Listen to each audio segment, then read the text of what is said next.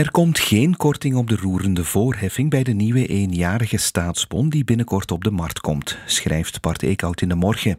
Wie intekent op de bon zal niet hetzelfde voordeel genieten als bij de vorige uitgave vorig jaar. De kans is dan ook groot dat het succes van de staatsbon ditmaal uiterst beperkt blijft. De echte reden voor de obstructie is kieskoorts. Dit had ook anders kunnen lopen. Van Petegem, De Croo en de andere Vivaldisten hadden het bescheiden van een nieuwe voordelige staatsbon collectief kunnen claimen. Als de komende drie maanden elke beleidsstaat verdacht gemaakt en geblokkeerd wordt, omdat niets nog mag lukken, dan kunnen we beter het parlement nu al ontbinden en de federale verkiezingsdatum alsnog vervroegen. Voor de spaarder zal het niet het grote verschil zijn, vermoedt Arnoud Gijsels in het Nieuwsblad. De politieke glorie ging in hoofdzaak naar minister van Financiën van Petegem. Die moest het dan ook niet in zijn hoofd halen dat het een tweede keer zou lukken met een korting op de roerende voorheffing. Toch zeker niet op dik 100 dagen voor de verkiezingen. Dus draaide het allemaal uit op een overbodige vaudeville met verwijten over en weer. De slotconclusie is dat niets of niemand hier beter uitkomt. Maar politiek heeft tenminste niemand punten weten te scoren. Dat was dan ook de bedoeling. Ook voor Yves Lambrix in het belang van Limburg blijft de hamvraag of de nieuwe staatsbon een interessante belegging is. Ja, omdat zijn rendement iets hoger ligt dan de inflatie, waardoor uw spaargeld zijn waarde behoudt. Bovendien verwachten experten dat banken elkaar met hogere rentes gaan bekampen wanneer de staatsbon vervalt en er een pak geld vrijkomt. Maar anderzijds bieden acht banken vandaag al termijn en zelfs gewone spaarrekeningen aan met een rendement dat dat van de nieuwe staatsbon overtreft. De nieuwe staatsbon is dan ook vooral much ado about nothing, want voor de kleine spaarder verandert er bitter weinig. We hebben het toch onderschat hoezeer Rusland de oorlog in Oekraïne kan en wil volhouden, stelt Isolde van den Einde in het laatste nieuws vast.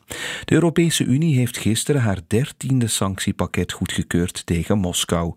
Maar het bedrag dat Rusland elke maand uit de export van olie haalt, is nu hoger dan voor de invasie van Oekraïne. Het blijft moeilijk balanceren om niet in een directe oorlog te verzanden met Rusland. Het is zoeken naar een exit-strategie om de wapens te doen zwijgen. Maar als er na twee jaar iets duidelijk is, dan is het wel dit. Alleen sancties stoppen Rusland niet.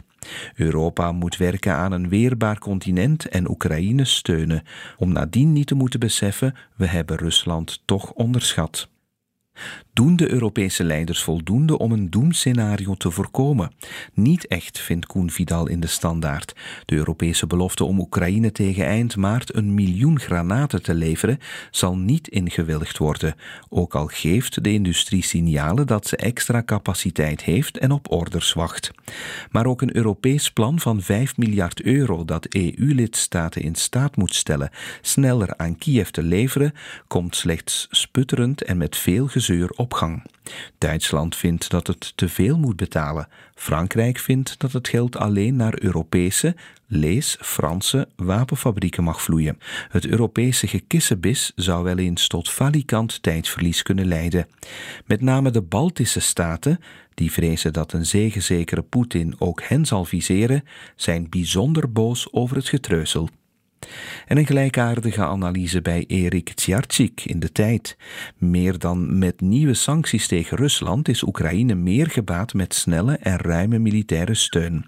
Sancties zijn een belangrijk politiek signaal, maar tegelijk een weinig effectief instrument om de Russische oorlogsmachine tot stilstand te brengen. Moskou heeft al bewezen dat het voldoende achterpoortjes heeft gevonden en kan rekenen op raketten uit Noord-Korea en drones uit Iran. Het is daarom hoog tijd dat Europa vaart zet achter de militaire steun aan Kiev. Door het nu op te geven, snijden we op termijn alleen maar in ons eigen vel. Het is donderdag 22 februari en dit waren de krantencommentaren.